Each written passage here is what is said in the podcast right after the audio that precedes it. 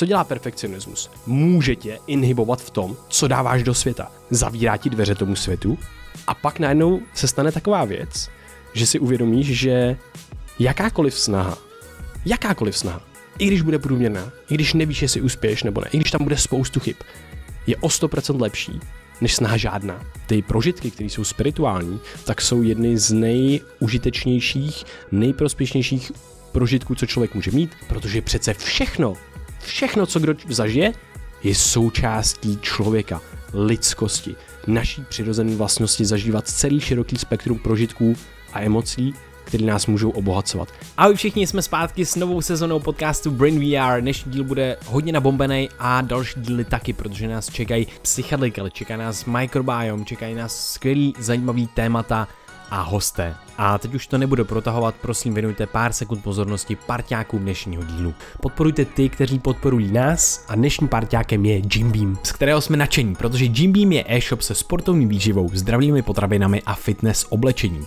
No a Jim Beam vyvíjí taky vlastní doplňky stravy a známe jejich zakladatele a tým a myslíme, že to dělají skvěle. No a já bych vám rád teď rovnou řekl a dal nějaký info, co teď používáme a proč. Začnu glycinem a glutaminem. Glycin pomáhá s uklidněním, usnutím a kvalitou spánku. Glutamin je zase aminokyselina, kterou si organismus dokáže sice vyrobit sám, ale při větším náporu stresu se ukazuje, že ho můžeme vyrábět v nedostatečném množství. Glutamin chrání naše střeva a může nám pomoci s únavou a náporem na organismus. Potom tady je arginin alfa ketogluterát. Před pár lety vyšla zajímavá studie a je nějaká evidence na dlouhověkost, ale je to hlavně prekurzor pro oxid dusnatý, což je plyn, který zvyšuje prokvedení organismu, včetně mozku. Hodí se tedy na výkon jak mentální, tak fyzický. No a potom tady je L-karnitin, který se často dává do kategorie spalovače tuků, ale ono to prostě zlepšuje celkový metabolický zdraví organismu. Všechno tohle najdeš na Jimbeamu na jimbeam.cz a pro 5% slevu zadej kód B2VA5. Odkazy najdeš v popisku tohohle podcastu. Tak a teď už si užijte poslech dnešního dílu.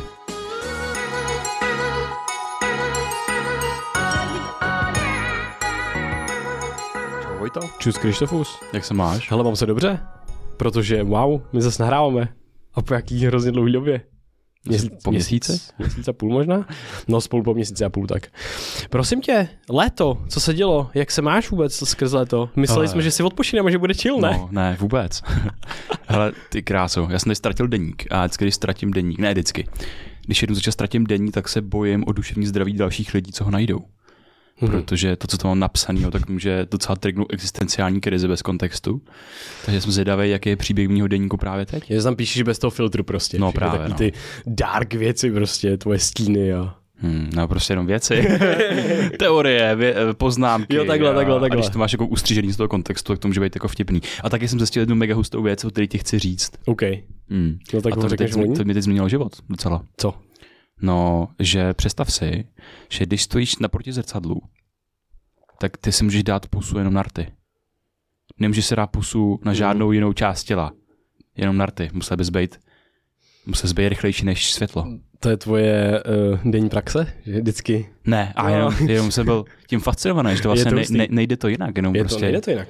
Jenom si můžeš dát pusu na rty. Je to tak, je to hezká, hezký, jakoby fyzický za, to, Stejně si nemůžeš sáhnout na jinou prostě část třeba těla, jenom na, t- na tu špičku prstu. to je tak, to je pravda, nebo takhle. Hmm.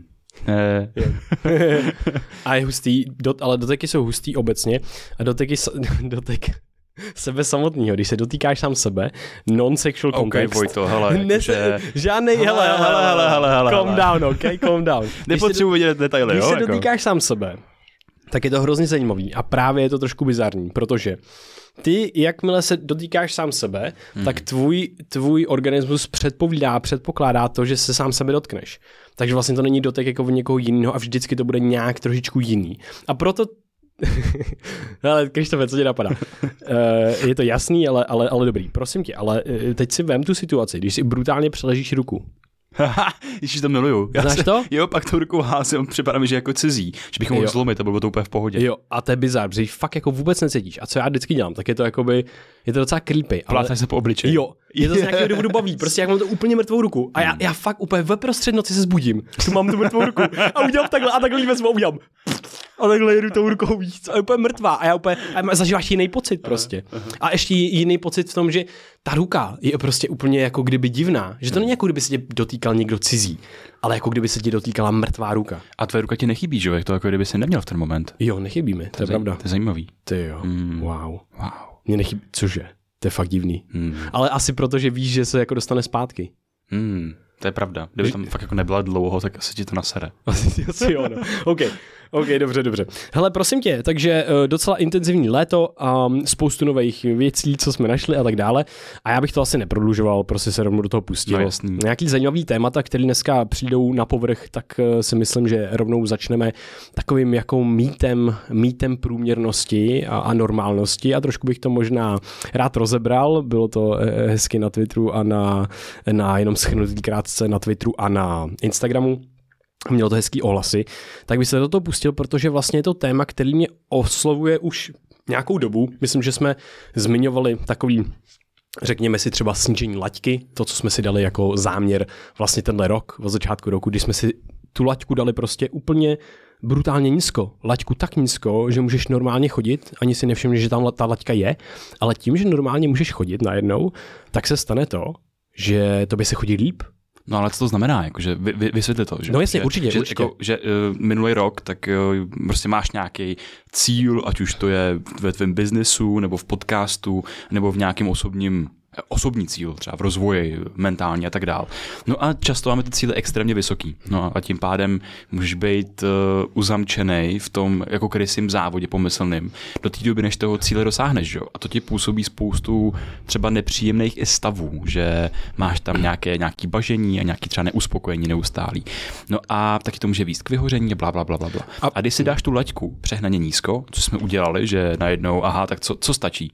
Vlastně jsem tam si popovídat jenom o tom, že si popovídáme na podcastu, o konzistenci udržet, budeme vydávat díly, takže ten jako mm, projekt se bude hýbat dál, hmm. ale zároveň, že nepotřebuješ nějaký ty externí cíle na to, aby se cítil spokojeně. A potom všechno to, co přijde jako bonus, tak vlastně ti generuje pocit, uh, i pro mě to je tak jako pocit štěstí. Jo, jo, pocit štěstí, naplnění a vlastně to není o tom, že nemáš žádný jako cíl, ty si dáš ale nějaký, hele, prostě cíl, můj nový cíl je konzistence například hmm. a právě to děláš a prostě, hele, jdem jako nahrát věc a najednou se stala zajímavá, zajímavá taková, zajímavý proces, kdy najednou, alespoň u mě a cítil jsem to u nás, u nás v obou, tak se najednou zlepšily ty vlastně výsledky, paradoxně. Vlastně se to trošku, mně se otevřel prostor. Přišla lehkost do. Přišla lehkost a mně se otevřel prostor a já jsem vlastně začal dělat daleko, daleko víc prostě. Já jsem si chtěl jakoby odpočinout laťkou nízko, ale moje hlava a tak, a t- tak měla prostor a najednou začala generovat zase věci. A bylo to úplně nádherné a bylo to energický. Já jsem měl víc energie a tak dále. Takže to je brutál. A teďka, pojďme si teda probrat, co to vůbec znamená průměrnost? Um, nad průměr, průměrností se skoro až jako nadává. To prostě je takové jako uh, něco... Ve dnešní době, Ve že? dnešní době. Nechceš být průměrný, nechceš vstát v davu hlavně, jako Přesně tak. někam vykročit a má, má, má taky toxický nádech až. Jo, jo a, a, a hlavně je zajímavý, že to podporuje, podporují sociální sítě. Stávají se z nás ještě větší narcisové tím, že ukazujeme sebe a vidíme ty druhý, dostávají pozitivní zpětnou vazbu a tak dále, takže ten nevědomý narcismus se tak trošku zvyšuje a zvyšuje se ten, ten, ten chtíč, ten krysí závod, to dosahování cílů, ten duch doby, který nás žene dál a dál a dál. Prostě chceme být herci, a chceme být úspěšní biznismeni, a chceme být další Elon Musk a dosahovat cílů a tak dále. Ne všichni, zase. Ne, tohle to není prostě, ale myslím, že specificky pro naše publikum. Tohle to není pro všechny, ale je to takový obecný nádech. No ale jsme memetický bytosti, Přesně to znamená, že ty, když vnímáš ty symboly v tom online světě, symboly slash identity, které tam jsou, tak samozřejmě, že máš takový jako návod na to, jakou cestou by se měl ubírat, že jo. A ještě, když se bavíme, ty jste takovou otevřel vlastně jako takový ten zeitgeist, ten duch dnešní doby, což jsou ty sociální sítě, to srovnávání, následování a tak dál. A zmínil jste narcismus, že jsme všichni trošičku narcisové. A tady jenom dělám takovou takovou odbočku, že je hrozně zajímavý. Vyšla jedna uh, studie, myslím, že to byla studie, a právě zkoumala traits lidí, kteří vě, věřejí různým konspiračním teoriím a různě jako personality traits. A lidi, kteří jsou vlastně docela vysoký narcisové, tak pak věřej, mají větší tendenci věřit těm uh, konspiračním teoriím, což je mega zajímavý. Jo, jo, jo. Hele, a uh, co, bych, co bych ti chtěl říct právě o té průměrnosti a o tom, že my bychom mohli tu průměrnost zař- začít zpátky zařazovat do toho našeho života. Právě proto, abychom trošičku vyrovnali. A ona se někdy vytratila, nebo co? Uh, ne, stalo? nevytratila, ale v té naší psychice se z ní stal takovej, mm, možná taková nechtěná, nechtěná naše vlastnost, ale je hrozně zajímavý, že fakt je ten, že většina z nás jsme průměrní, nebudeme filmové hvězdy, ani úspěšní zpěváci, v něčem jsme dobří, v něčem špatní a v naprosté většině věcí jsme zkrátka sakra průměrní a je to normální a bude to tak mít téměř každý. A proč teda na sebe neustále tlačíme a svoji průměrnost považujeme za negativní? A může nám opak toho, že budeme oslavovat průměrnost a integrovat si zpátky do života nějak pomoc.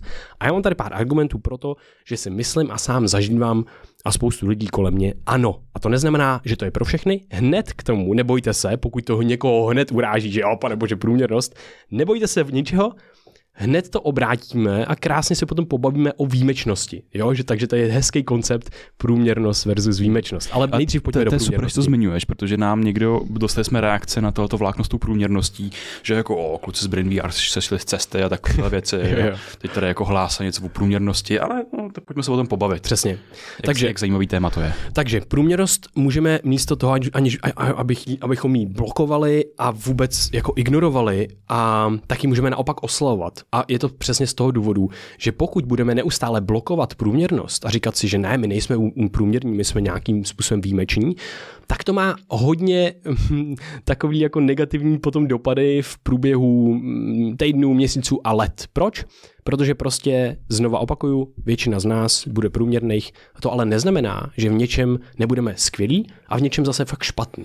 To nevyděluje věci, kdy já jsem v něčem fakt dobrý. Průměrnost znamená, že v naprosté většině jsem průměrný, ale pokud já budu tohle to budu se jako bránit, ne, já jsem jako výjimečný a tak dále, tak co, co se bude potom dít?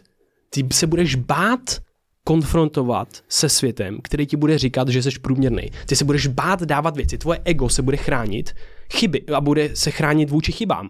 Takže ty nebudeš spíš dávat věci do světa, protože přece ty jsi výjimečný, takže ti to povede k perfekcionismu. Co dělá perfekcionismus? Může tě inhibovat v tom, co dáváš do světa.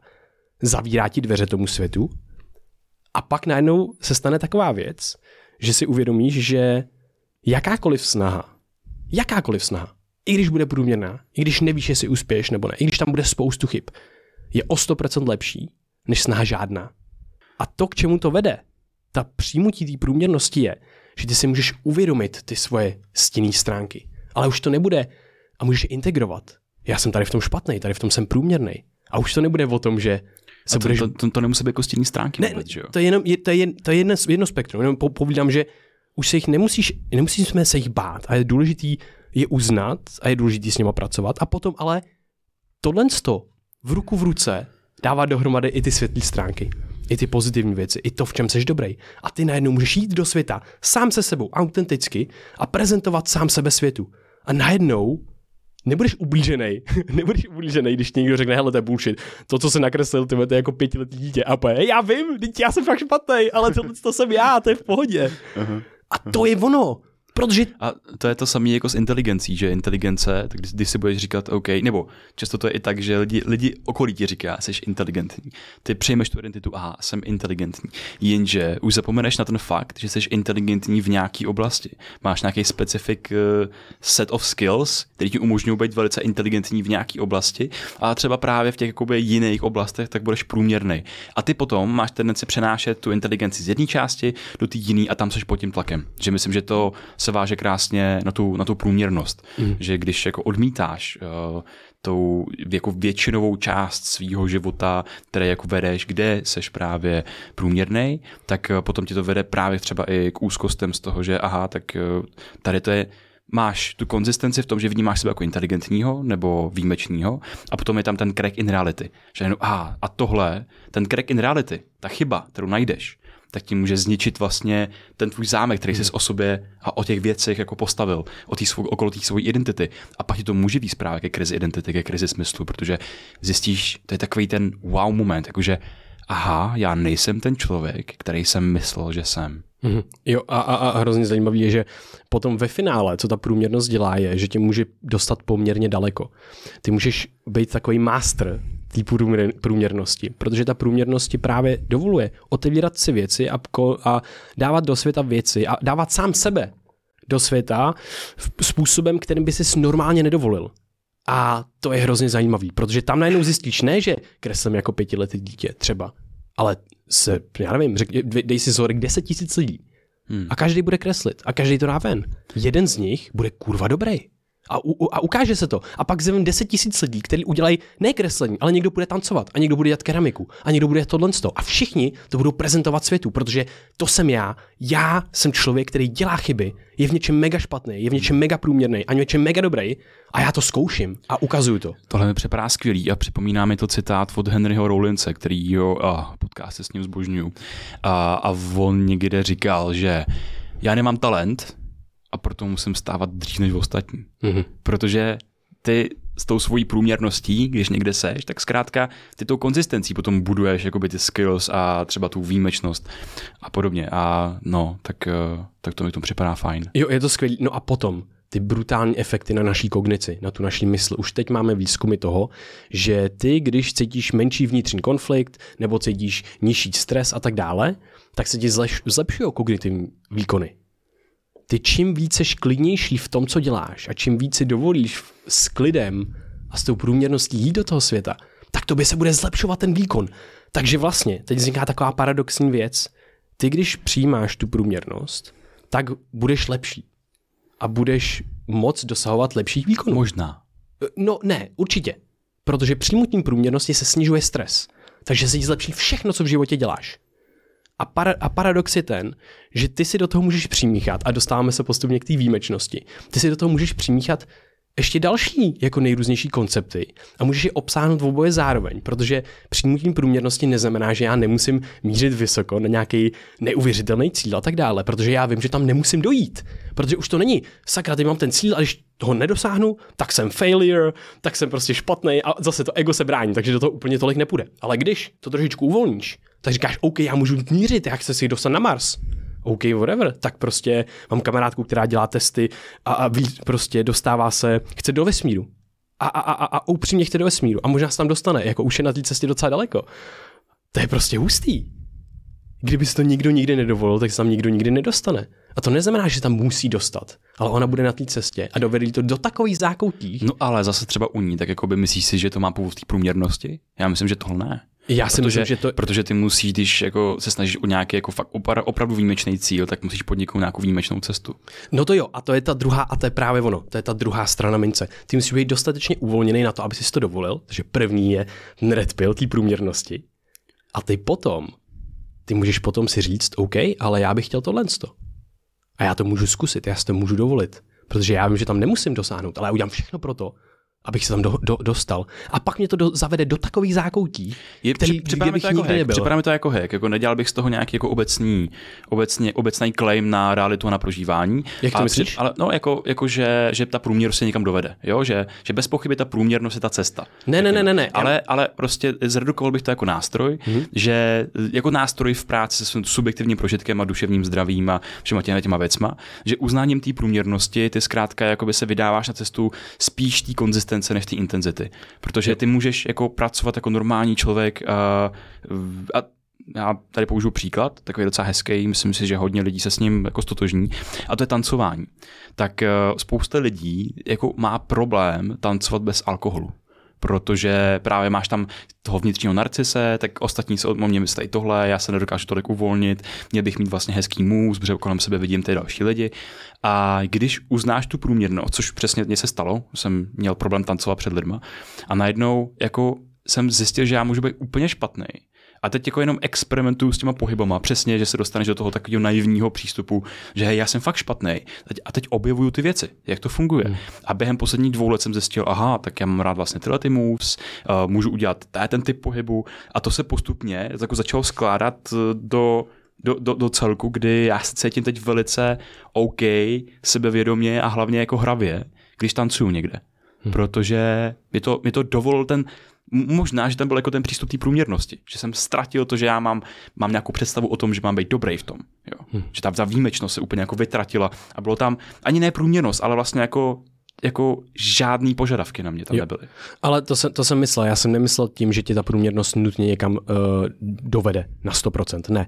Já jsem myslel jenom ten psychologický efekt toho, že ti to zpříjemní nějakou věc a to ti sníží stres, to ti zlepší kognitivní funkce, že ti to zlepší všechno, co děláš, to neznamená, že dosáhneš všech silů. Vůbec ne. Jenom ti to malinka to zlepší, co děláš. A odevře, odevře ti dveře k těmhle věcem. A teďka... Já bych to, bych... Abych to ještě jako, za, jako za, za, za obal do takového toho uznat tu průměrnost, ale nikdy se nevzdat potenciálu výjimečnosti. No a teď, teď přichází to, ten, ten druhý koncept, který do toho zamícháme. A teď se dostáváme do takového paradoxy, paradoxního double thinku, který ale můžeme obsáhnout té mysli, Potom, co si projdeš tou průměrností a otevřeš se tomu tomu, tak ty začneš zjišťovat najednou, wow, já můžu dělat tyhle moves, můžu se nějak hejbat. A ty teďka se můžeš říct, OK, mě to baví, já se v tom cítím dobře, já chci dosáhnout a být nejlepší tanečník, ne, nevím, ne, nejlepší tanečník na světě, klidně jo, ale říct, OK, já se chci dostat na soutěž a někde tancovat, whatever, to je úplně jedno, co si vybereš. A, a, a Tim Ferris krásně schrnuje. Úplně, já, nádherný. 99% lidí na světě je přesvědčeno, že jsou neschopní dosáhnout úžasných věcí. Tak míří na průměr. To, o čem jsme teďka, teďka mluvili. Tím pádem je úroveň kompetice největší pro realistické cíle, čímž paradoxně konzumují nejvíce času a energie, protože se všichni snaží dosáhnout těch realistických cílů. A cítíš se nedostatečně, tak hádej co, zbytek světa se tak cítí taky. Nepřehání svou kompetenci, nepodceňuj se a jsi lepší, než si myslíš. Protože často si myslíš, že ty ostatní jsou ty dobrý, že ty ostatní se hýbou dobře a tak dále. Ale pak já, tě, já na tebe vidím, protože tady máme krásné dvě perspektivy. Ty koukáš na sebe, že ti to nejde. Já koukám na tebe a říkám, normálně průměrný týpek, co se hýbe, jako v ostatní. A možná mu to jde líp než v ostatním. Wow, to je cool. I když jsi začínal, ne teďka, před těma dvouma rokama, když se začínal otevírat. Hrozně zajímavý. Takže ty nereální cíle jsou potom často jednodušší je dosáhnout a to je z jednoho důvodu. Pokud máš obří cíl, dodává ti to adrenalin a motivaci, která je potřeba pro to, abys vydržel a nezdal to na všech překážkách, které přijdou, určitě. Realistické cíle nás občas limitují a dodávají jen průměrnou dávku inspirace a ambice, takže nemáme dost paliva na, na to jich dosáhnout. Jestliže je potenciální cíl a odměna průměrná, tak bude i tvoje snaha. Rybaření nejlepší tam, kde je nejméně lidí. Na a náš kolektivní pocit nedostatečnosti dělá ze světa místo, kde je často lehčí hitnout, uhodit ten home run, když se všichni snaží jenom trefit míček a dostat na první metu. Je tu méně kompetice pro větší cíle. Hmm. A to mi připomíná Nasíma Taleba a ty jeho černí labutě. A teď popíšu příběh, co to vlastně znamená. v, jako v minulých stoletích, tak eh, zkrátka Evropani tak se mysleli, že labutě to jsou ty bílí ptáci, že jo. Labutě je bílá a basta. A pak najednou skolonizuješ Austrálii a zjistíš, ty vole, tady jsou ptáci černý. Tady jsou ty samý ptáci, nic se v nich jako nějak neliší, ale jsou to prostě černý labutě. A najednou tady ti to jako přinutí myslet, že OK, tak víme, že labutě jsou bílí a černý, musíš aktualizovat to svoje přesvědčení. No a pro mě je zajímavý udělat ještě ten krok dál a říct si, a že můžou existovat třeba i ty fialové labutě. To mě, na to mě dovedla uh, kamarádka ze, ze z projektu Sisters. mm-hmm. a vlastně je to úplně jako, je to, je to taková ta jak když jdeš tou chodbou a máš tam ty dveře a ty dvoje jsou otevřené a ty neustále chodíš prostě těma dvouma otevřenými Vidíš dveřma, jenom ty, že jo? A vidíš tam, mm. jako mhm. máš ty dvě místnosti a nenapadne tě ani jít dál, protože tam je prostě temná chodba, kde nevíš, co se tam jako může dít. A tady máš prostě už jako zabydlený byteček a tak dál. Ale jako jít dál do toho neznáma a zkoumat ty další dveře a nějaký budou schnilý, nějaký budou, nějak, do nějakých se třeba nedostaneš, někde nebude vůbec nic, ale je tam vždycky potenciál, že někde tam existuje jakási fialová labuť. Pro mě to je, že uznáváš to, co je, já mám nějaký skilly a vím o svých jako schopnostech a to je přesně to, že, že, že víme to o té své průměrnosti. My jsme schopní dojít sem a vystudovat tu, školu, najít si nějakou udržitelnou práci, hypotéka a tak dál. Toto může být nějaký jako mm, ten mýtus té průměrnosti, že následuju tu cestu. Ale já tam do toho přimíchám tu fialovou labuť a najednou, hej, já můžu udělat všechno tohle. Plus, já si můžu nastavit tak nerealistický cíle, jako co je sakra možný. Mm-hmm.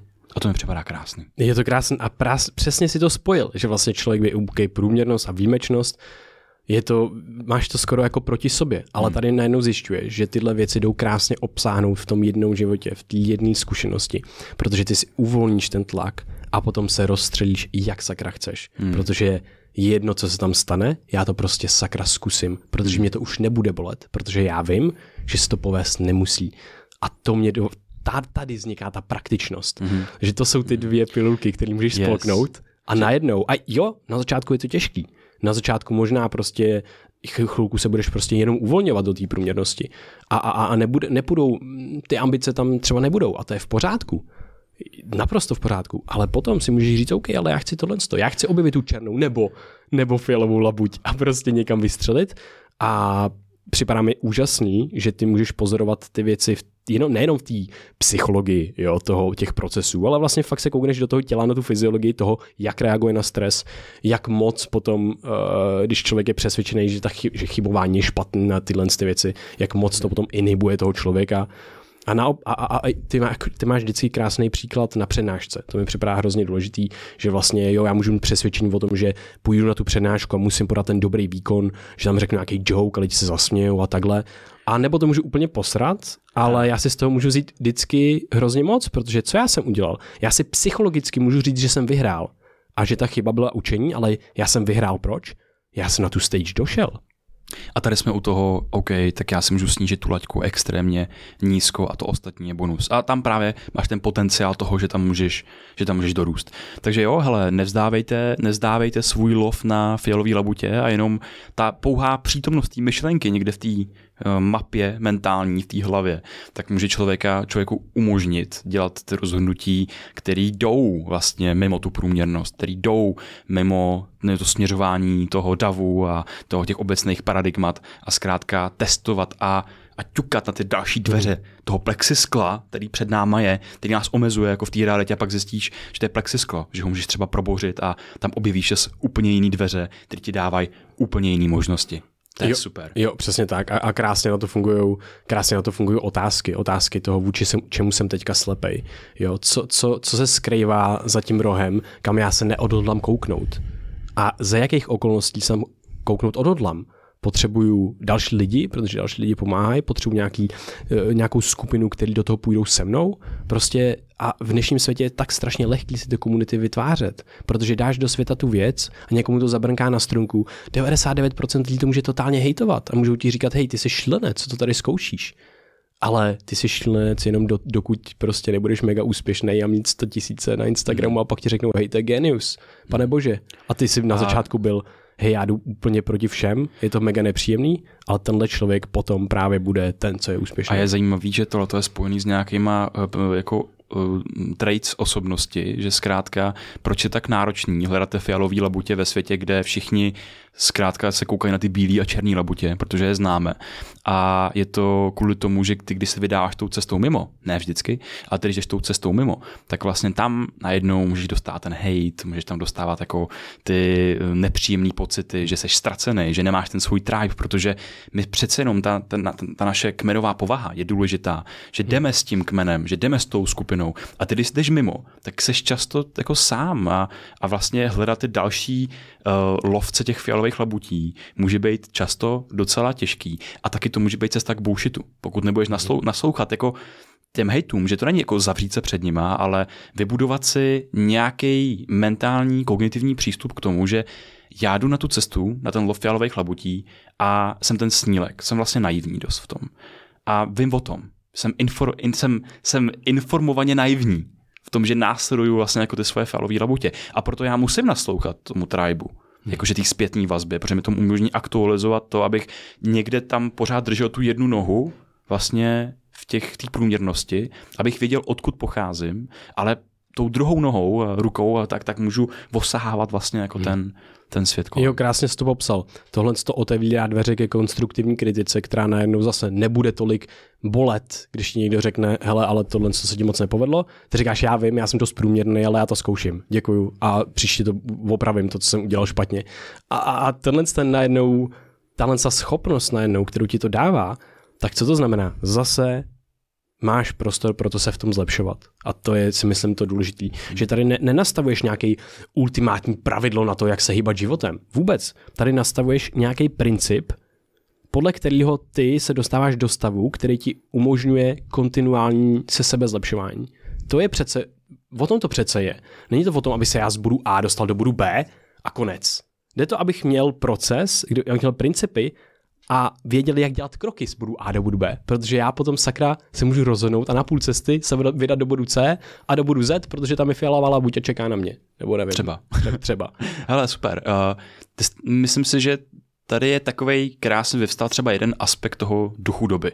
Co je duch doby? Tak každá společnost, každý nějaký, ať už to je, nevím, milénium nebo nějaký třeba časový úsek, tak má nějakého svého ducha doby, který trošku jako definuje tu společnost, ale i to, co vlastně se objevuje těm lidem v myslích. Jiný duch doby byl prostě, jiný duch doby byl ve 20. letech, jiný duch doby byl během druhé světové války, jiný duch doby byl v 90. letech a je důležitý zjišťovat, jaký duch doby máme my teď a ukázat to, v jakém tom prostředí my existujeme, protože často jsme vůči tomu slepí a díky tomu jsme slepí vůči příčinám nejrůznějších problémů a myšlenek a úzkostí, které se dějou v té naší hlavě. Takže pojďme trochu víc rozebrat toho ducha doby, hmm. který nejenom, že my tady máme ten tlak na výjimečnost, což je teda hodně reprezentovaný v tom světě sociálních sítí a jedním, jedním z těch, z tou cest jsme tady popsali, tak je uznat průměrnost, že jsem průměrný ve většině věcí, ale pořád tam mít ten potenciál pro výjimečnost a mít vlastně ty cíle až jako nereálně vysoký. Mm-hmm. Jo.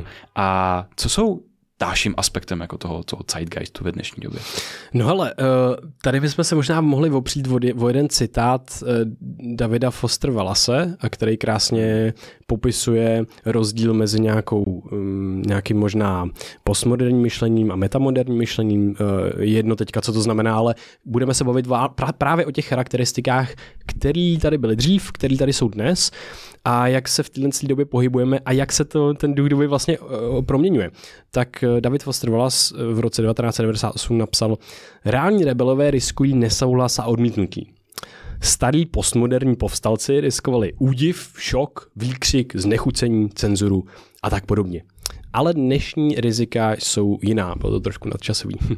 Noví rebelové mohou být umělci ochotní riskovat zívnutí, protočení očima, úsmě, uh, posměch, parodování a tak podobně. Riskují osočení ze sentimentality melodramatů, z měkoš, měkosti, přílišné důvěrnosti, z posměchu nad přílišnou snahou a upřímností. A to si myslím, že je strašně zajímavý, protože my jsme e, začali v nějaký polovině 20.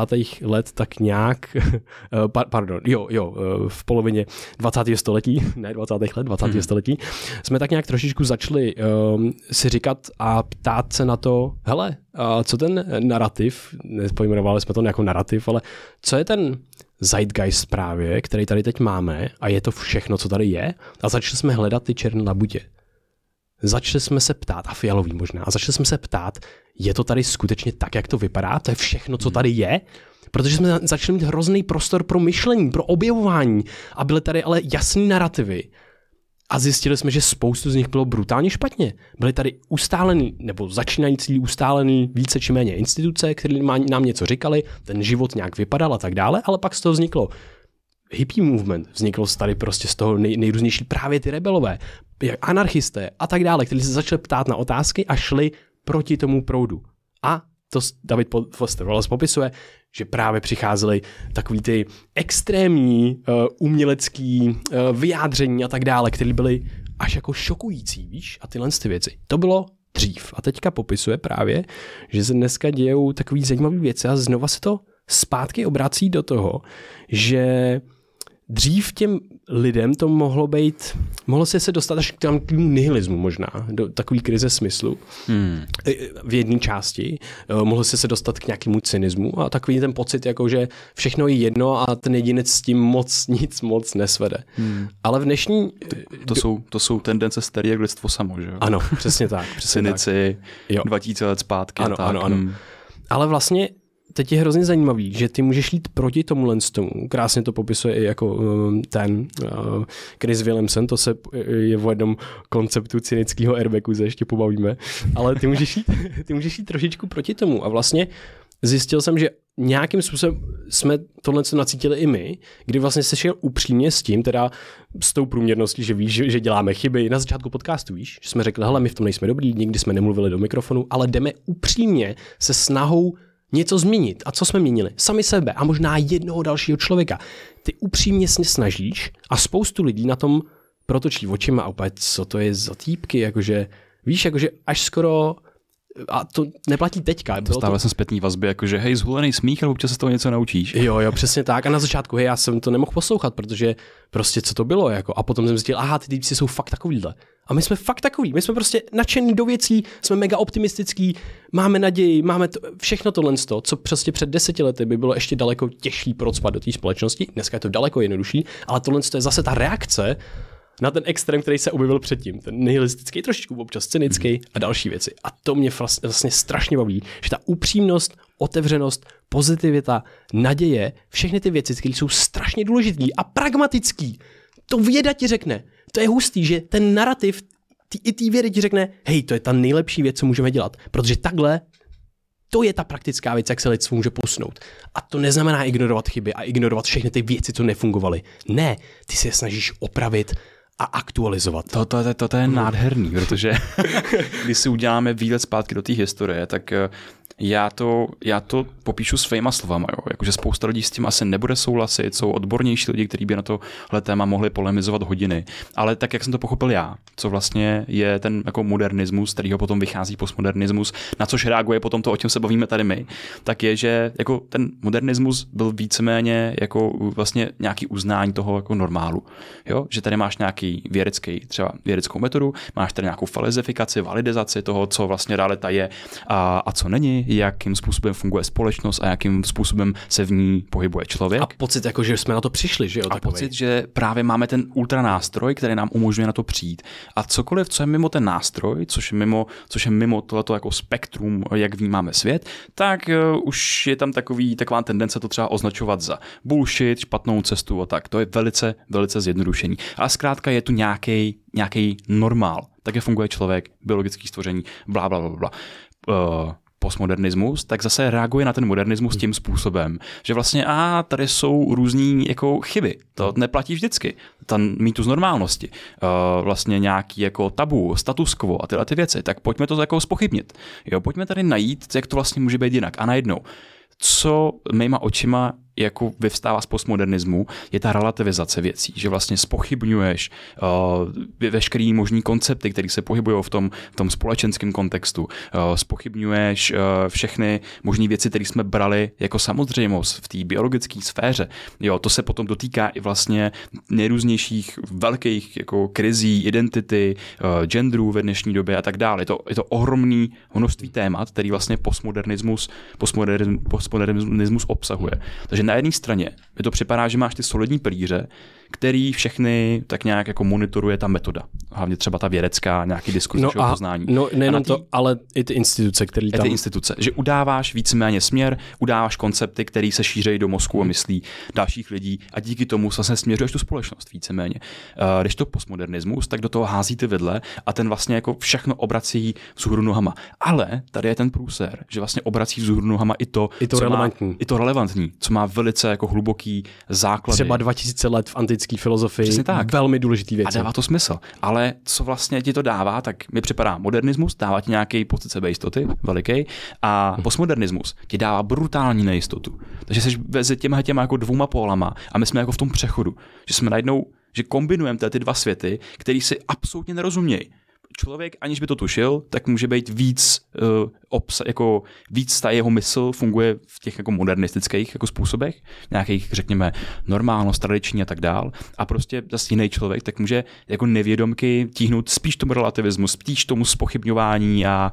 a vlastně snažit se jako, jako přeorganizovat, jakým způsobem směřuje ta společnost, že že je to jako špatně a potřebujeme to postavit vlastně jako od základu úplně jinak. Hmm. To je jako moje chápání toho. Jo, jo, jasně, a já tady mám i to hrozně hezky, co popsal, a já tady možná mám, že vypíchnu celý to schrnu, já mám tady hezký, hrozně hezkou definici postmoder, postmoderního takového přístupu a pa, potom, aby jsme se dostali k tomu dnešnímu něco, co vzniklo přímo, metamodernismus, to vzniklo v roce 2010, to bylo poprvé pojmenována tenhle ten pojem, uh, tak uh, popíšu, popíšu přesně uh, jenom takový, takový schrnutí toho postmoderního myšlení. Postmoderní myšlení vzniklo v polovině 20. století a je charakteristické svým kritickým přístupem k tradičním narrativům, hodnotám a institucím. Centralizuje otázky pravdy, reprezentace a významu, často s důrazem na relativitu těch, těch koncepcí, přesně jak jsi říkal. A často tam je metodou dekonstrukce, která rozkládá texty, ideje a struktury na jejich základní části, aby odhalila inherentní nějaké svoje vlastní, vlastní uh, týdané věci, protiklady a nejasnosti. Ale přesně jak jsi říkal, potom tam přijdou takový. Což je super, super metoda. Důležitý. Což důležitý. je super metoda, ale v extrému to může úplně rok rozebrat jakýkoliv záchytný bod. Jo, a to je právě hrozně hustý, protože ty jako kdyby si nejdřív vzal zase, jako kdyby si vzal nejdřív jednu pilulku, úplně si to všechno znormalizoval, jo, jasně, prostě teďka ničíš ty náboženství a ničíš všechny ty staré jako koncepty a tak dále, jako kdyby se probíráš, to lidstvo jakoby se nadechuje. Ale Probí, potom... Probíráš si do, tý, jakoby, jako do, toho, do toho realismu, že jo? Víc ano. Jakože do toho, a tak vlastně realita je to, co já vidím, to, na čem hmm. je tam nějaká intersubjektivita, to, na čem my se shodneme hmm. a zároveň nemusíme jenom my, ale nějaká ta širší třeba vědecká metoda, ta instituce. Jo. Jakože nějaký vědecký poznání, ne, nějaký jakýkoliv poznání, který zkrátka já můžu validizovat skrze další lidi. Přes Přesně tak. Ale potom ty potřebuješ v tomhle tom procesu, který samozřejmě to poznání je dynamický proces. Poznali jsme tisíce, tisíce úžasných poznatků a věcí, kdy jsme zjistili, takhle to fakt rozhodně není a fakt rozhodně nevnímáme realitu jako takovou, každý z nás může vnímat trošičku jinak. Tam přichází ten postmodernismus, ta relativizace, ale ty to nemůžeš podtrhnout celý. Ten, ten zámek, co jsi vystavil, hmm. tak ty pilíře některý můžou být velmi relevantní. A došli jsme tam krásně o tom mluví John Verwecký, jak my jsme tam došli, jak ten postmodernismus to podtrhne ti nohy a teď najednou puf, lidi padají právě třeba do krize smyslu a dalších věcí a na to právě potom reaguje metamodernismus. A tady zase schrnu takovou kratičkou část jenom. Metamodernismus reaguje na postmodernismus tím, že přijímá jeho kritické postupy ale současně hledá nové formy smyslu a hodnoty. Místo nějakého občas cynismu, občas relativismu, postmodernismu se metamodernismus orientuje k upřímnosti, naději a konstruktivnímu přístupu. Metamoderní rekonstrukce se snaží znovu postavit nebo přepracovat ideje a narrativy tak, aby byly relevantní pro současné podmínky, aniž by ztratili svou hloubku nebo komplexnost. A tady se dostáváme najednou k tomu, k té těžké práci, sakra. Já musím obsáhnout oboje. Já musím obsáhnout i ten modernismus, i ten postmodernismus, protože oba ty procesy jsou relevantní hmm. a oba mi dávají zase, co mi to dává? I modernismus, i postmodernismus se snažili udělat cíl, se snažili udělat, takhle to je. Ale co teďka jsme udělali? Stejně jako u, ta, ta průměrnost a výjimečnost. My jsme nedělali, neudělali nějaký status quo cíl, kam jsme se měli dostat. My jsme, my začínáme konečně definovat proces, jak zase dojít z bodu A do bodu B, aktualizovat ty věci, ale ta aktualizace potom v rámci metamodernismu nekončí. Tam znova je obsažená ta kritika těch současných narrativů a ideí. Ta nikdy neskončí, hmm. ale stejně tak neskončí jako ustálování se a prohlubování a komplexnost těch, těch ideí, které už máme, který máme tisíce let. Takže tady to mě úplně fascinuje. Nemůžeš to celý úplně rozbít, ty potřebuješ i syntézu a něco zpátky znova sestavit, aby člověk, který se pohybuje v tomhle světě, se z toho sakra neposral a nezbláznil. Mm, mm. A tohle je krásný, když se jako prokoukneme zpátky do té naší mysli, tak uh, co se v ní děje, vlastně zase ten, ten rozdíl, tady jsme hodně na ty lidi vyházeli hrozně jako izmu. Jo, ale, tak tři ale, izmy. Máme jenom modernismus. Izmy, jo, a, a teď, teď jako, easy, easy, easy. Co, to, co to může mít jako za, za následky, jo? že vem si, když si vezmeš jo, třeba minulý desetiletí, tak jo, v, tom, v těch institucích a vědeckém diskurzu a tak dál, tak se trošičku nesvítilo, svítilo se na všechno, co může změřit, to znamená náš mozek, náš biologický systém, ale třeba se tolik nesvítilo na tu naši subjektivní zkušenost. A nebo o čem už se vlastně vůbec jako tolik nemluví, tak jsou potom právě nějaký třeba uh, jako spiritualita obecně, která se jako více se jako objevila Jo? Že vlastně dřív tady bylo, hodně jsme existovali v tom náboženském kontextu a najednou, OK, tak máme tady krize náboženství a objevuje se spiritualita, co to vlastně znamená, ale je to něco tak jako abstraktního a nezměřitelného, že vlastně to taky jako zameteš pod ten koberec. Úplně se nevěnuješ subjektivním prožitku, nevěnuješ se spiritualitě, nevěnuješ se tolik těm fialovým labutím, takový to a jak by mohlo to paradigma celý vlastně fungovat jinak. A připadá mi, že právě ten metamodernismus, tak jako, nebo to, co se to jsme to nazvali nějakým pojmem, ale to, co vnímá v tom svém okolí, v tom duchu doby. Je to ten duch, přesně vlastně tak. My jsme do toho, docela do tohoto víceméně narodili a nějak se to v nás jako objevilo, ten zájem propojovat ty dva světy. A znám hrozně moc lidí, kteří na, jednu, na jedné straně jsou třeba vystudovaní doktoři, na druhé straně si kultivují tu svoji spirituální stránku. Že vlastně třeba spolikají no, ty oba dva pily. Znáš nás, nás, co děláme no, jasně, přesně my. No jasně, ale že vlastně to co, to, co zdánlivě, ono to nikde napsaný není, to, to, co zdánlivě se může zdát, že třeba věda a spiritualita nejde dohromady, tak najednou ty se otevíráš tomu, že já to můžu propojit. Já můžu být v tom jakýmsi jako dvojím myšlení, že tady jsem jednou nohou přesně v tom, že Mám tady tu průměrnost, nějaký jako koleje větý, které jsou větý takovým způsobem, že to opakovali generace po generacích a tím pádem jsou relevantní, jak funguje společnost, jak my fungujeme v ní, ale zároveň tou druhou nohou jako vlastně proskoumáváš ten prostor trošičku mimo, kam ta, jako ta popisná třeba ty popisné poznávací metody kam už tolik jako nedosáhnou. Hmm. Takže ty vlastně integruješ ty oba dva světy. A co se mi ještě líbí jako na to, tom přístupu, že není to, není to, není to New Age, jo, to je jako taky důležité jako poznamenat, ale že vlastně ti to dává tu sílu do toho optimismu. Že, že dřív jste tady měl nějakou utopii, nějakou dystopii a vlastně jsme byli v tom buď a nebo, že černobílý myšlení, jo, přesně, věda nebo spiritualita, uh, utopie nebo dystopie a tak dále. Hmm. A dneska se objevují i nový pojmy, které to integrují, třeba protopie. A to je, ty vole, my absolutně nevíme, kudy se bude vyvíjet svět dál, ale právě teď, tak já mám ten optimismus, že můžeme dělat rozhodnutí, které nás posunou spíš tím lepším směrem, protože optimista spíš něco změní, než pesimista. Takže vlastně integrovat si tyhle ty dva směry a a co mi připadá jako extrémně důležitý na takovém tom jako duchu dnešní doby, tak je integrovat si do nás jakousi uh, jako rozpoznávat nějaký základní dobro ve světě a ve věcích kolem. Jo, že, že vlastně mm, my žijeme na té planetě jako lidstvo a jsme takovou jako reprezentací do toho prostě vesmíru, toho vědomí a tak dál. To všechno prostě je fakt, protože máme ten typ, typ prožitku a to je jako mega hustý fakt. A v tomhle tom všem, jenom to, že já jsem schopný zažívat ten svět, tak, tak jako zažívám, tak je v tom obsažený jako nějaký základní dobro v tom, že můžu.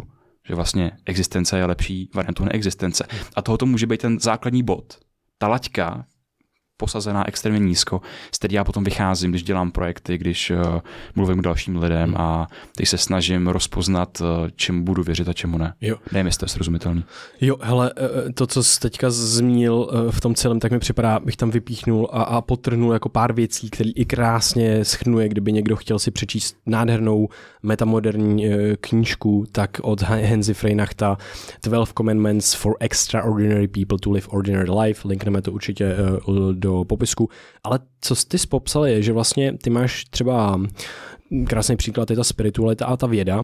A ty najednou, když se dostatečně po, po, potopíš eh, do hloubky, do vědy, tak ty začneš objevovat spiritualitu, protože zjistíš, jak seš propojený se světem a tak dále. Když se kouneš do nebu do vědy, tak zjistíš, že eh, třeba ty prožitky, které jsou spirituální, tak jsou jedny z nejužitečnějších, nejprospěšnějších prožitků, co člověk může mít, ať už jen tak člověk jde a zažije to s náhodou, anebo to zažije při psychologické zkušenosti.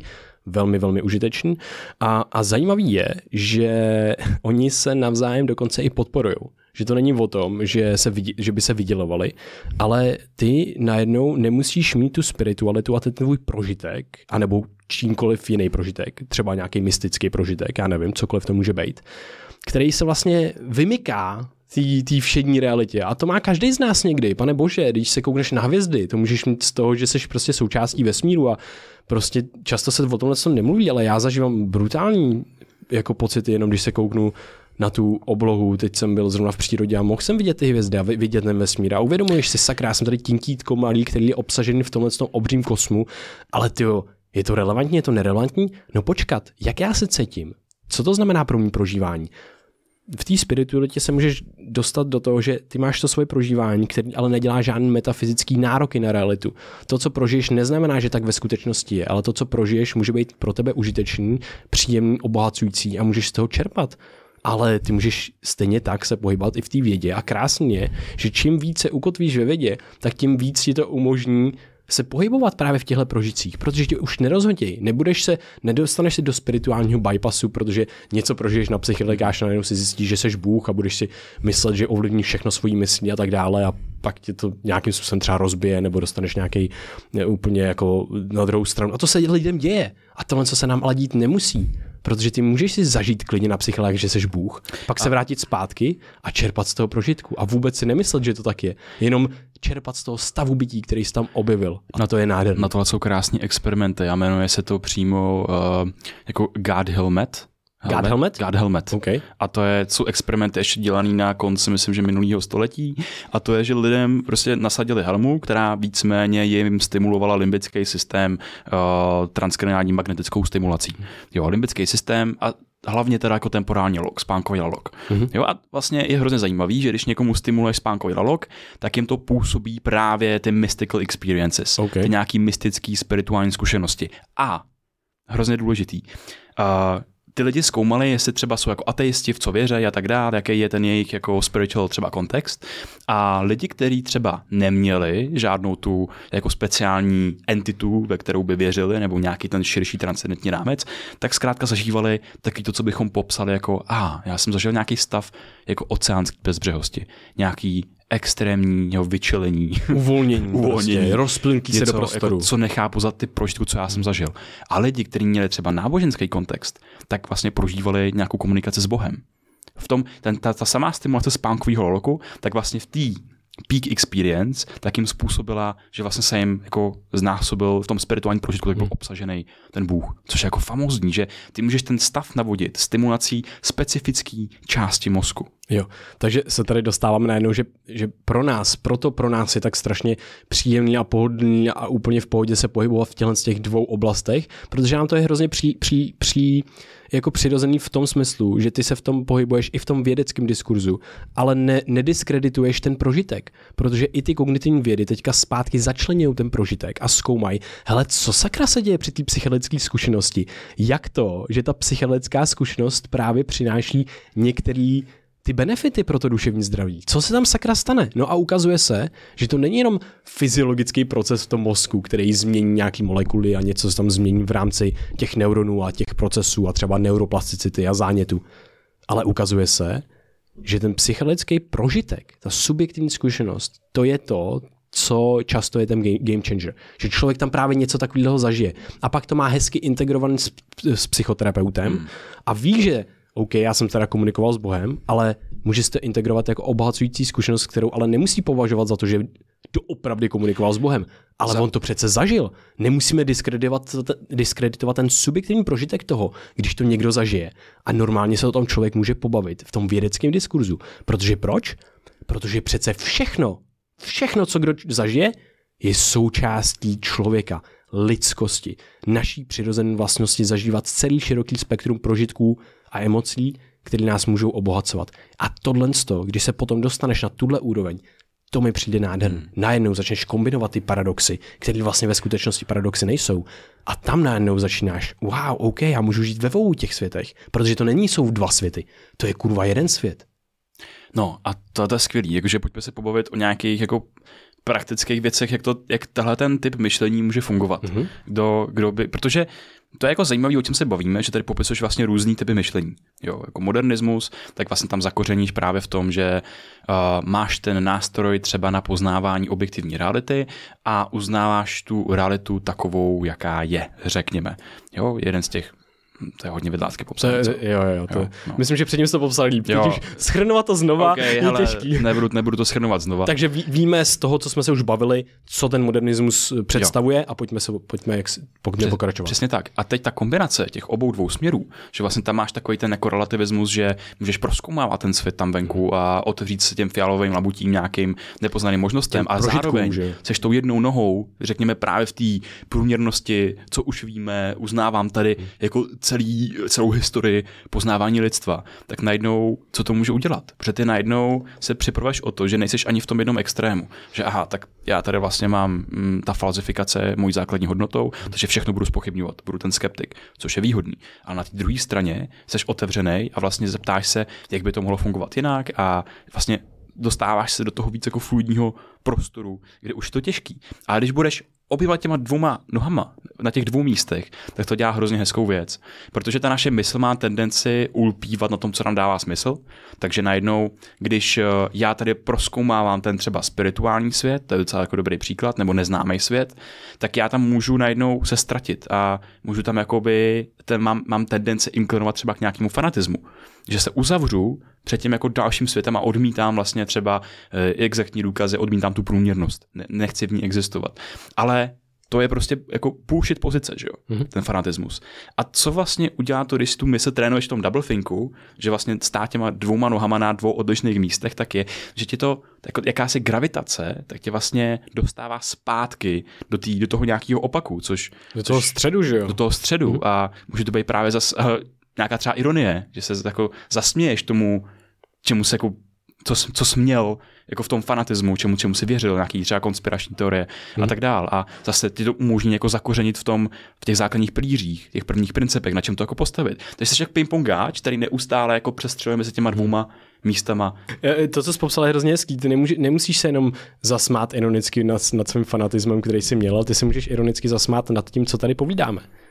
Ty si můžeš reálně říct, hele, jakoby my tady něco objevujeme, jsme v procesu, který nám teďka dává smysl a máme teda nějaký ty kroky, kterými chceme jít, ale taky víme, že to není hotový, že nikdy to hotový nebude a že prostě pár věcí, co tady říkáme, že může být úplný bullshit. Ale je to v pořádku, protože ty se upřímně snažíš o to udělat tu nejlepší možnost a když s tímhle s tím jdeš do světa, tak najednou někdo ti napíše, hele, to byl bullshit. A tohle je znova ten proces, který tě otvírá té kritice. A co jsme říkali, my to, furt to říkáme, teď, teďka míň, ale prvních 100 dílů minimálně, na, tam bylo na konci vždycky. A napište nám kritiku, co něco, víš, napište nám věci, napište nám, aby jsme se zlepšili. Hmm. A to dělejte furt. Pište nám, aby jsme se zlepšili. My se snažíme upřímně o to nejlepší možné řešení pro to, co teďka zažíváme, pro to, co, co my zažíváme tu krizi smyslu, co si tady zažíváme. Protože sakra, ten svět je kurva hodně složitý. Je to chaos, do kterého se občas narodíme a my potřebujeme někde ukotvit, ale někde taky potřebujeme zkoumat to prostředí.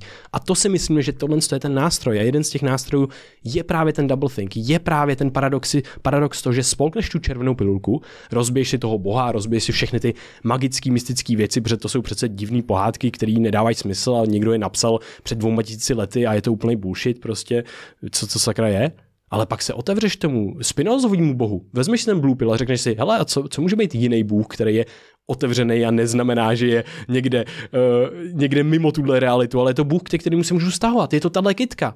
Seš to ty. Je to při, příroda kolem mě. Je to vesmír. Mm-hmm. Můžu tohle považovat za Boha a počkat, bylo by to výhodný? Hele, a možná pro mě zrovna jo. Možná by bylo pro mě výhodný se modlit k vesmíru. Že hej, vesmí, děkuji vesmíre, že jsi mě vytvořil a že tady můžu být, protože a děkuji ti. A víš, co to udělá? Já budu cítit vděčnost. A co udělá vděčnost? Ono mi bude zlepšovat myšlení, ono mi bude optimalizovat dopaminergní systém, ono mě to, to bude... To, to, to je skvělý, protože jsou i studie na to, jak eh, studenti během zkouškového, tak ty, kteří věřili, vlastně měli nějaký náboženský kontext, věřili v nějakou vyšší entitu, tak daleko líp zvládali stres a úzkosti. Jo. z těch dalších zkoušek. Takže vlastně tady máš data na to, že to je velice velice výhodný pro tebe. Hmm. A ty jsi to popsal teď krásně. Já to navážu uh, takovým jako takovou skupi, uskupením synteistů, jestli to něco říká. Mm-hmm. Synteisti, tak to je vlastně speciální náboženství pro ateisty, kteří se vytvořili svého boha s tím, že vědí, že si ho vytvořili oni. Ano. Že si vytvořili boha, který mu říkají uh, Syntos. Velká syntéza. Říkají mu prostě bu, bu, Bůh Syntos a s plným vědomím toho, že ho vytvářejí. Právě proto, aby jim to dalo třeba víc jako smyslu v životě. Aby jim to dalo... Aby, aby, to, aby to mělo ten komunitní aspekt, který ná, náboženství má. Takže vlastně, a ty můžeš mít Syntose, nebo já nevím, uh, prdelose, prostě mm-hmm. kohokoliv se vytvoříš.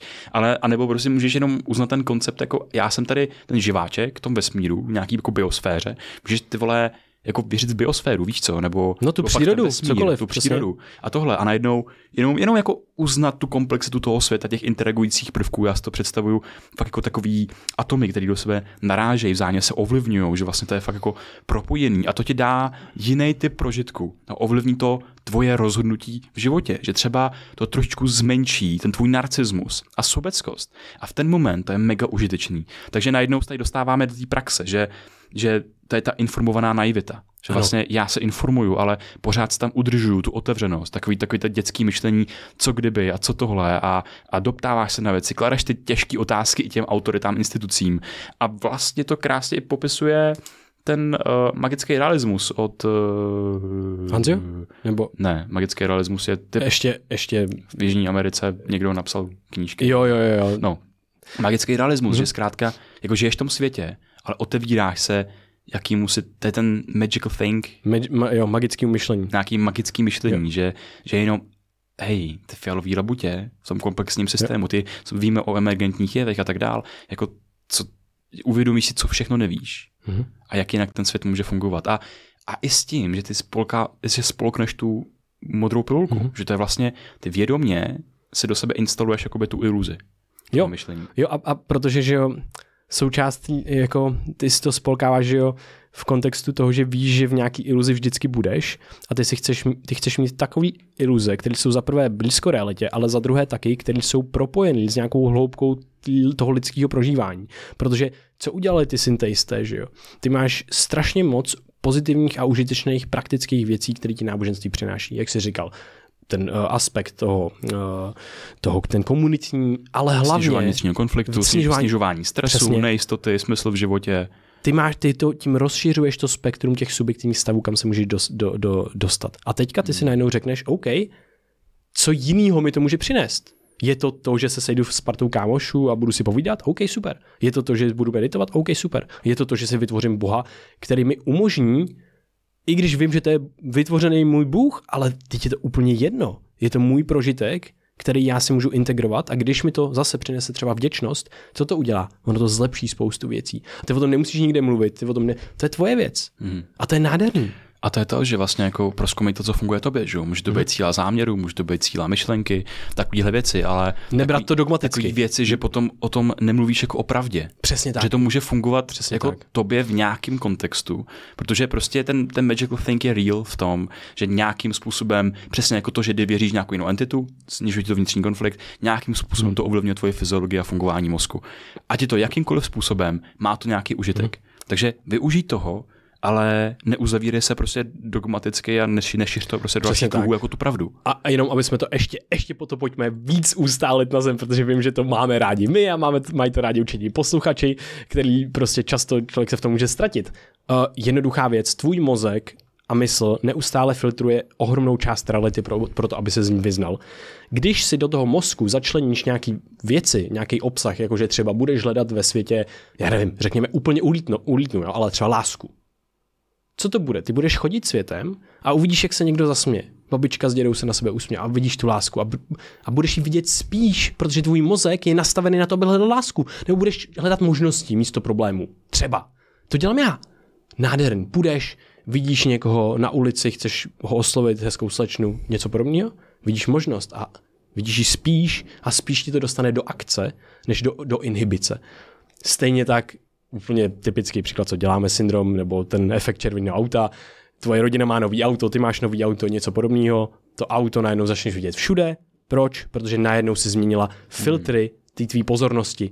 Nic se v realitě nezměnilo, ale změnilo se úplně všechno. A tohle je magical thinking, který ty si můžeš integrovat na té úplně základní ukotvené úrovni, kterou my máme rádi. Hmm. Samozřejmě lidi, můžou o, o, ulítnout kam chtějí, ty cykly ulítávání jsou v pořádku, jenom vždycky si říct, tohle není dogma, tohle to není metafyzický claim, já neříkám, jak to je reálně, já to říkám, jak to mám já a co prožívám. To je strašně důležitý. A vlastně k té praktičnosti mě se tady zmínil skepticismus, který je hrozně užitečný nástroj a můžeš ho doplňovat o různé věci, o tu otevřenost, jdou v ruku v ruce, ale pokud ty jsi skeptik, tak ty máš být skeptický i vůči vlastnímu skepticismu. Hmm. Hmm. Takže skepticismus je nádherný nástroj, hmm. protože ti říká, aha, počkat, ale jsem, nejsem náhodou moc skeptický vůči všemu, nemám se otevřít tomu, co ty lidi mi říkají a nemám náhodou to proskoumat bez toho skepticismu chvilku, protože jsem moc skeptický. Je, jako nádherné věci, jednoduchý principy, ale ano, těžký si integrovat, ale taky na to máme sakra celý život, tak je to v pohodě, ne? Hmm. Jo. to je hezký. Jsem úplně mokrý. Já taky. úplně, je asi 35 stupňů tady, máme zavřeno ve studiu a já úplně teču, víš co, úplně brutálně. Dobrá to bílý triko, no, to je crazy, to je crazy. OK, OK, OK. No a vlastně takový poslední Možná double thing, který mě hodně baví, tak je uh, ta nějaká upřímná ironie, o které jsme tady už mluvili, a jenom to chci zmínit znova, že pokud ty vlastně chceš být extrémně upřímný, tak upřímnost na druhou, stejně jako skepticismus na druhou, tak bude vést k tomu, že budeš trošičku ironický. V tom, že když jsi upřímný, tak musíš být i upřímný v tom, že ty sakra nikdy na 100% nevíš. To znamená, ty za sebe můžeš udělat úplnou blbce, protože to je normální a ty takhle budeš upřímný a tohle, co tě Zase, to je nástroj k tomu, jak si kultivovat autenticitu. Takový omílaný slovo, ale jak to sakra dělat? A nejenom, autentic, a nejenom autenticitu, ale to i nástroj proti nějakému jako motivated reasoning, že, Přesně. že ty vlastně máš často uh, být tím hlavním fanouškem nějaký myšlenky a nápadu a vlastně jako ožení se s ním a potom vyhlásíš válku komukoliv, kdo s tím nesouhlasí hmm. nebo kdo má nějaký opačný názor než ty, což se často právě vyskytuje v nějakém třeba politickém kontextu, hodně často v tom influence influencerským, když to pozoruju. A tedy jsi ten upřímný eh, k sobě a máš ten skepticismus i vůči sám sobě, tak je to pro tebe daleko těžší v tom světě, protože tvoje cokoliv, co ty vyřkneš, tak bude míň relevantní, bude se zdát méně relevantní pro ty, co tě konzumujou. Protože vždycky se bude zdát víc relevantní ten, který hlásá tu pravdu, jak to je, mm-hmm. s naprostou jistotou. A to je super, protože to, takhle to bude fungovat v těch krátkých, velmi populárních jakože hmm. televizích a Instagramech a těchto z těch věcech, ale my máme tu ohromnou výhodu, kterou jsme si vytvořili, ani jsme nevěděli jak. My jsme začali nahrávat kurva dlouhý podcasty, kde tam z, všechno tohle to začleníš a najednou, ty, najednou měníš to myšlení sebe a předáváš ten typ myšlení, který si myslíš, zase myslíš upřímně, si myslíš, že je to ta cesta. A to je hrozně ústý. Takže to mě baví a za mě this is it. Jo, this is it. Takže možná jenom takový ten praktický takeaway na konci podcastu, tak mi připadá, hej, uznat myšlenku průměrnosti, vlastní průměrnosti. Já si můžu jedna snížit pilulka. tu nízko. Mm-hmm. To je jedna pilulka. A zároveň uvědomit si potenciál, že tam někde můžu být fialový lebutě. Takže můžu hledat, že můžu osahávat ten svět. A vím, že mám to svoje bezpečné místo v té průměrnosti, kam já si můžu vracet. V tom, co se ví, té intersubjektivitě, vždycky, když si ulítnu, tak já se můžu pobavit s kámošema, s nějakou skupinou a ty lidi mě budou regulovat, ty mě budou trošičku vracet. Ale já vždycky si můžu jak ten drak někde převázat tím provázkem a odlítnout se do těch, jako do toho magical thinking, hmm. do toho, že já fakt budu přemýšlet, a nejenom přemýšlet, ono to totiž není jenom o myšlení, ono to je právě u těch našich subjektivních stavech. Já budu zkoumat ten svůj subjektivní prožitek, protože jsem si vědomý toho, že jsem slepej vůči těm svým vnitřním dimenzím a, a jenom zkoumat to, že já můžu mít změněný stavy vědomí, změněný stavy různých jako prožitků a zkoumat, kam všude jsem schopný se dostat. Hmm. Takže najednou ta průměrnost versus Magic Thing, to mi připadá skvělý. Zkrátka spolknout tu modrou a červenou pilku zároveň. No. Yes. Nejdřív tu červenou, Přesně tak. modrou znova. Přesně tak. Boží. A nepopsali jsme to jenom v té naší psychologii, hmm. ale hro, moc děkuji za ten krásný popis od modernismu, postmodernismu k metamodernismu, jenom tohle tady ču, ču, ču. tři pojmy, které jsme na vás vyhodili, není jich tolik a, a myslím, že to dávalo hezký smysl a tady já mám taký, taký fakt jako něco, co mi z toho vystává, čím bych já se jako, čím já se chci řídit a řídím a to je ta průměrnosti otevírá výjimečnosti a snaha nějaká je vždycky o 100% lepší než snaha žádná. Mm-hmm. Že takový ten paradox, který ty si integruješ a prostě jenom si řekneš, OK, jaký jsou ty dveře, které můžu otevřít, kde můžu failnout, pojďme failnout, anebo pojďme uspět. Je to jedno, něco se stane, ale hlavně ty dveře otevře. Mm. Já si k tomu vzpomínám nějaký citát, tady určitě sprzním a, a to je, že neuzavírej se světům tam venku, když najdeš něco, co patří do toho tvého. Jo, jo. Něco takového to bylo. Jo, jo. Ne, se světu, když, na, když najdeš něco, co patří do toho tvého. Jo, jasný. Hm. Yes. To je, to je hezký citát. Jo. Takže pojďme Díky otevírat. za něj, kdo se sebral. pojďme, pojďme otevírat dveře. Yes, super. Hej, díky moc, Krištof, a těším se na otevírání v tomhle v téhle sezóně, protože jo. myslím si, že ty, no, to bude paráda. Já se já těším na sprchu, protože jsem hrozně spocený. Ty se úplně mokrý, kámo. tak v 35 stupních jsem ještě oh v zavřený malý místnosti nenahrával. Hele a prosím vás, uh, věc, jo, co se děje. Máme posledních pár míst na kemp to bude nádherný integrační kemp právě transformativních nejrůznějších metod s Eatnem Kobayashim z Japonska. Eh, dostali jsme ho do Česka, bude to hrozně hustý, budeme už se účastnit toho kempu. Je to první víkend uh, uh, v září. Odkaz najdete v popisku, najdete to na www.brainia.org. Další věci samozřejmě podpořte naše parťáky tohle dílu, kterým byly Jim Beam, kód B2TVA5, máte tam slevu a potom samozřejmě nezapomeňte na naše skvělý fakt hodně nadupan online kurzy, jako je průvodce mozkem a myslí, mentální modely a biohacking, biologická ev- Optimalizace, optimalizace já jsem říct biologická evoluce člověka, wow. ale to optimalizace, ale evoluce je tam, tam obsažená. Je taky, jasně. Tohle jsou hustý kurzy se s, kódem B2TVA30, na ně máte celkou slavu 30%, takže neváhejte, objednejte si a kdyby se vám nelíbili a řekli si, že to milu za blbosti, a prošli jste pár těch videí, nejenom jedno nebo pět minut, tak nám napište, my vám vrátíme peníze. Nemáme s tím vůbec žádný problém, my chceme, aby vám to sloužilo. Takže tak tohle to bylo takhle za nás asi všechno mm. a nejenom jděte ještě na uplife.cz, tam máme doplňky stravy naše Mind a Cordyceps a další věci, které jsou libový a namíchali jsme se je proto, aby jsme je sami měli a to je uplife.cz a kód B2TVA. Udělej nám marketing na naše produkty. Jsou libový. ty produkty jsou fakt libový, koukejte, já jsem chytrý kluk, teďka úplně po nich. Máš z vlastní inteligence. Ne, jsi, jsi chytrý kluk, Vojto. Děkuji, jsi chytrý kluk, Krištofe. Jsi průměrný. Jsi jsem průměrný. A já jsem taky průměrný. Yes. A někde podprůměrný. a někde nadprůměrný. Yes. Pojďme se to přiznat. Yes, někde jsme nadprůměrný, někde jsme průměrný, Let's někde go. jsme byl průměrný. Ale děkuji, mějte se krásně a na viděnou. Mějte se na párově. Papa, na viděnou, naslyšenou a u dalšího dílu. Ahoj. Yes, čus. Brave VR.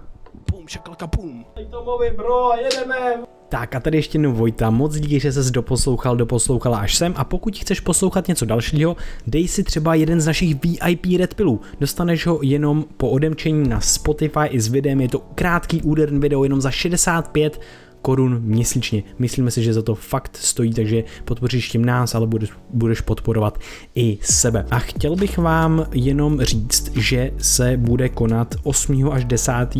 září kemp s Ethanem Kobayashim z Japonska. Bude to strašně hustý, bude to transformativní kemp plný nejrůznější praxí, jak integrovat ty slova, které tady probíráme na podcastu do našeho vlastního života s hloubkou. Bude to, vychází to z kognitivních věd, a bude to strašně zajímavý, protože prostě jsou to praxe. Ještě pár volných míst je, takže se nebojte přihlásit. Zase uh, odkaz bude v popisku tohle podcastu nebo na www.brainia.org. Budeme moc rádi za sdílení tohoto dílu a budeme se těšit u dalšího za týden. Ahoj. Brain VR.